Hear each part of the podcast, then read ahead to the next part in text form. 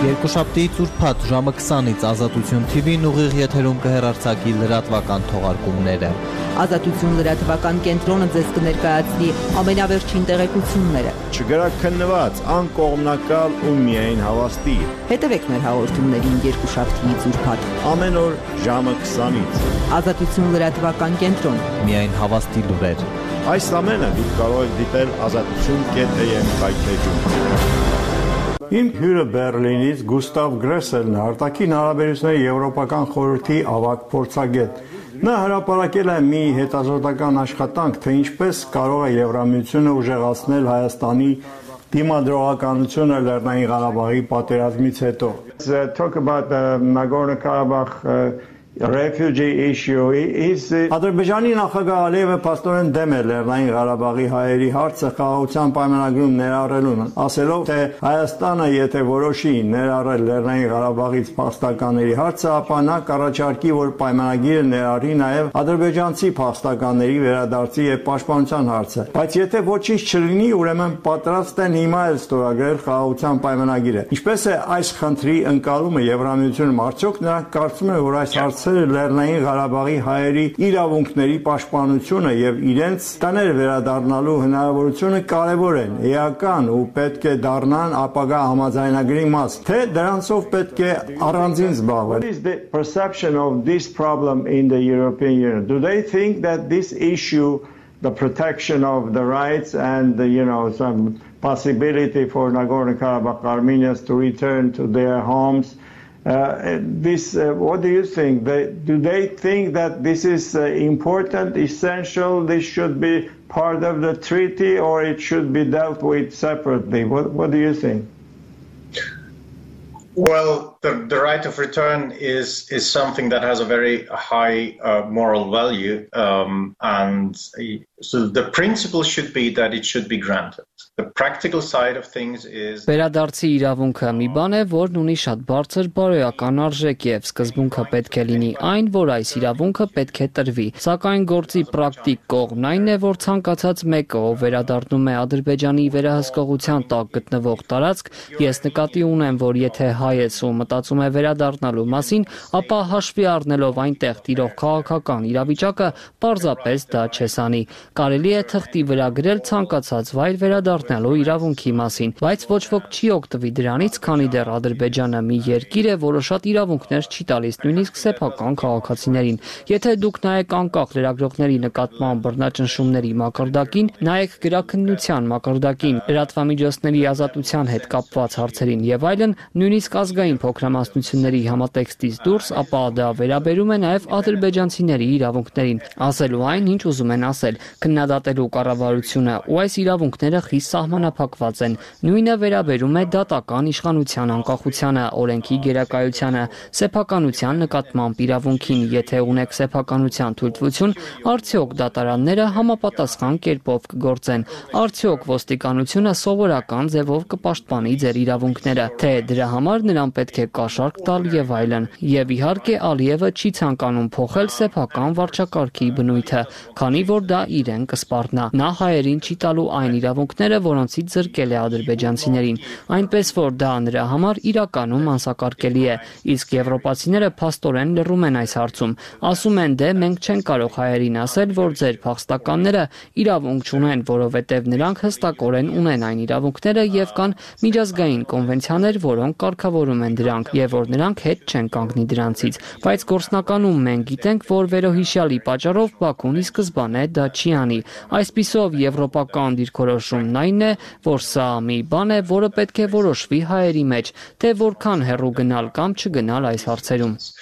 Uh, so here the European position is this is something that needs to be decided amongst Armenians. Um, uh, how how far to go and how, how far not to go. Yes, the, the the the enclave thing is of course a blackmail a blackmail issue, and he uses this as a as a political weapons. But there are so many Անկլավների մասին խոսակցությունները շանտաժ են։ Ալիևը դա օգտագործում է որպես քաղաքական զենք, բայց Բաքվի դիրքորոշումներն այնքան անհետևողական են։ Օրինակ Ալիևը անկլավների մասին է խոսում, նաև հիմնվելով 1975 թվականի խորհրդային քարտեզների վրա, որոնք ըստ Հայաստանի պետք է լինեն Ադրբեջանի եւ Հայաստանի միջև սահմանը սահմանազատելու հիմնական քարտեզներ, իսկ Բաքուն չի ճանաչում 75 թվականի խորհրդային քարտեզները որպես սահմանային քննարկումների հիմք, բայց միևնույն ժամանակ պնդումներ է անում հիմնվելով նույն քարտեզների վրա։ Ակնհայտ է, որ սա մարտավարություն է։ Համենայն դեպս Եվրոպայից երևում է, որ այս բոլոր պնդումներում անկեղծություն չկա։ Այդ ամենը մարտավարություն է, ու նա իր ուժային դիրքի լծակները փորձում է օգտագործել այնքան, որքան կարող է։ uh, as at least as as this is seen from from Europe, there's no sincereness in all of these claims. It's all tactics, and he tries to leverage his his position of power as much as he can. Mm-hmm. Now let's talk about Russia and Russia factor. As Հիմա խոսենք Ռուսաստանի գործոնի մասին։ Ինչպես տեսանք, Ռուսաստանը շատ վատ վարվեց իր նախկին դաշնակից Հայաստանի հետ։ Հայաստանը մենակ մնաց Ադրբեջանի եւ նրա ուժեղ դաշնակից Թուրքիայի հետ։ Թուրքիան նյութատեխնիկական ռազմական աջակցություն է ցուցաբերել, մատակարարել արդիական անօթաչու թրջող սարքեր, որոնք հայտնի են բայրակտար անունով, ռուս խաղապահներ, որոնք ըստ Երակոմ պայմանավորվածությունների պետք է պաշտպանեին հայերին Լեռնային Ղարաբաղում, աճ փակեցին, կարծես ոչինչ չէր կատարում, բայց մենք բազմաթիվ հաղորդումներ ունենք Լեռնային Ղարաբաղի տեղի գյուղացիներից այն մասին, թե ինչպես են ռուսները պահանջում հայ գյուղացիներից վայր դնել զենքեր եւ փախչել Լեռնային Ղարաբաղից։ Սրանք փաստագրական հաղորդագրություններ են, այնուհետև ռուսները Ռուսաստան են տեղափոխել ամբողջ սպառազինություն, այդ թվում 80 տանկ եւ հարյուրավոր այլ արդիական ռազմական տեխնիկա, որոնք Ղարաբաղի պաշտպանության ուժերը թողել են Լեռնային Ղարաբաղում։ Ու մենք չգիտենք դրանք օգտագործվել են արդյոք Ուկրաինայում թե ոչ։ Ինչպես եք բացատրում ռուսական այս դավաճանությունը used in Ukraine or not? What is your take on Russian betrayal? Well, it is uh,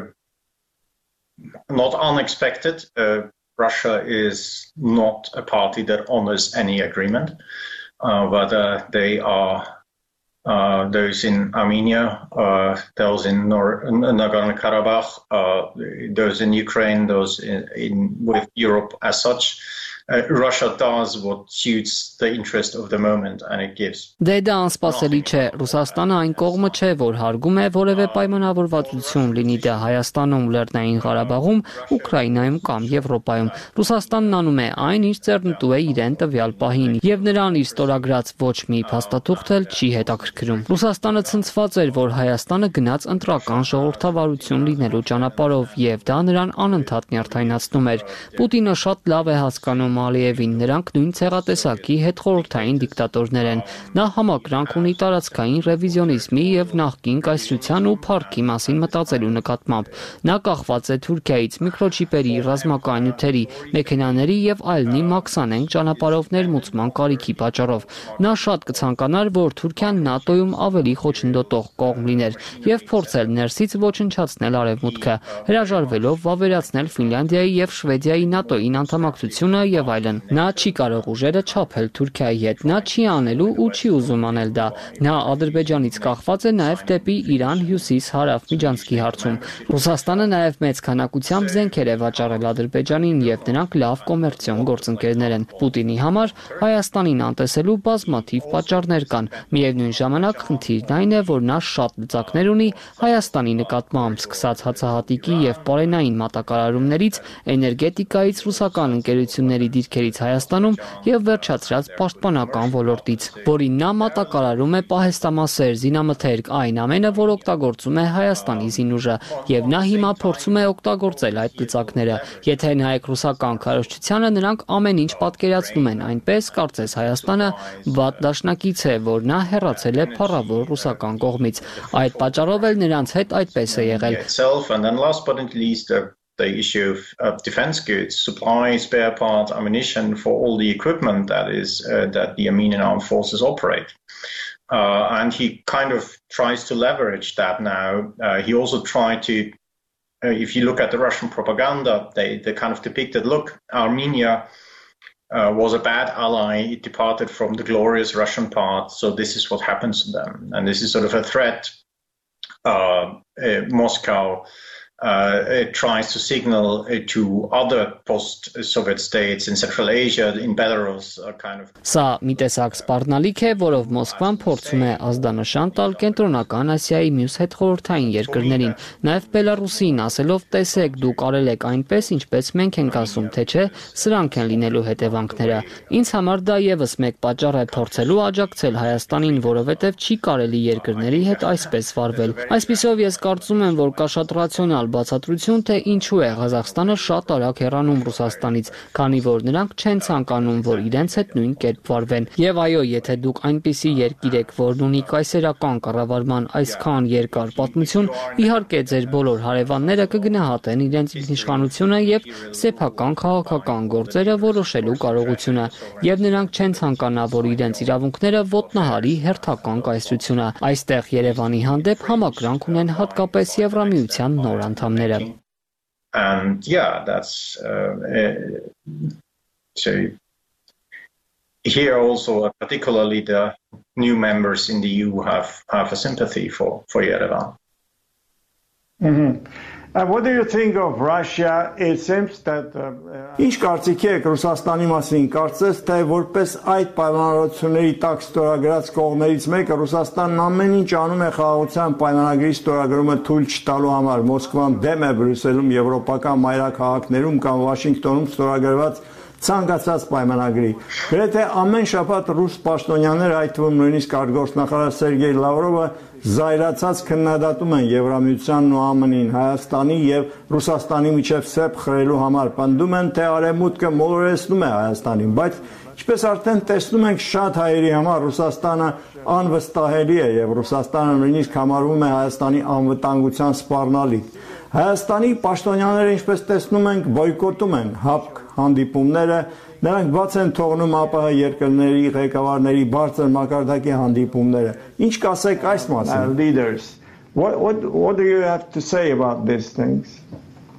Well, the, the Russian aim is to create uh, countries that are maximal dependent on them and that have multiple vulnerabilities. So, if there were a peace treaty between Azerbaijan and Armenia, Դե Ռուսաստանի նպատակն է ստեղծել այնպիսի երկրներ, որոնք առավելագույն կախվածություն կունենան իրենցից եւ կունենան բազմաթիվ խոցելիություններ։ Այսպիսով, եթե խաղաղության պայմանագիր լիներ Ադրբեջանի եւ Հայաստանի միջև, դա կվերացներ մեկ հակամարտություն, որը կարող է շահարկվել եւ օգտագործվել ճնշման քաղաքականության համար։ Դրա համար էլ Ռուսաստանը հետամուտ է միջանցքների հարցում, որ կարողանա դրանք վերահսկել, քանի որ այդ դեպքում Հայաստանը կախված կլինի Ռուսաստանից, բայց Ադրբեջանը նույնպես կախվածության մեջ կհայտնվի Ռուսաստանից նրա վերահսկման տակ գտնվող միջանցքից օգտվելու համար։ Այնպես որ դա այն դիրքն է, որտեղ նրանք ցանկանում են լինել, երբ բոլորը կախված կլինեն իրենցից։ Այդ դեպքում, եթե պահանջ ունենան եւ ասեն, որ պետք է այս ու այն անես, պետք է այս ու այն պայմանագիր կնքես, այս ու այն գնես, ստիպված ես լինելու դա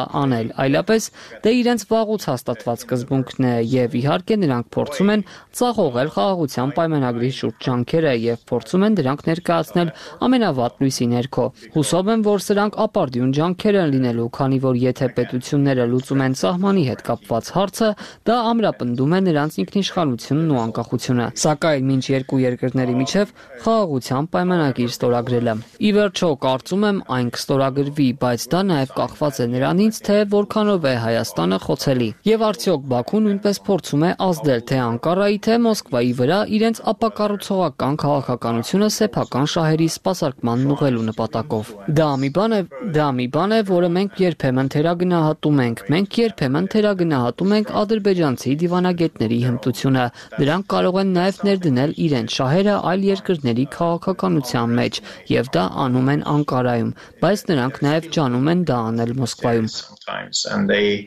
they can also uh, insert uh, their interests in, in other countries' policies, and they do that in Ankara, but they also try hard in Moscow. So thank you very much, Mr. Gressel. Շատ շնորհակալ եմ, պարոն Գրեսել, իսկապես հետաքրքիր զրույց է։ Շնորհակալություն հայ ունկնդրին այս հարցերը բարձրաբանելու համար Armenian audience. Thank you very much. Thank you. Խնդրեմ։ You're welcome. Երկուշաբթի ծուրփաթ ժամը 20-ից Ազատություն TV-ն ուղիղ եթերում կհեռարձակի լրատվական թողարկումները։ Ազատություն լրատվական կենտրոնը ձեզ կներկայացնի ամենավերջին տեղեկությունները։ Չգրաքննված, անկողմնակալ ու միայն հավաստի։ Հետևեք մեր հաղորդումներին երկուշաբթիից ուրբաթ։ Ամեն օր ժամը 20-ից։ Ազատություն լրատվական կենտրոն։ Միայն հավաստի լուրեր։ Այս ամենը դուք կարող եք դիտել ազատություն.am կայքեջում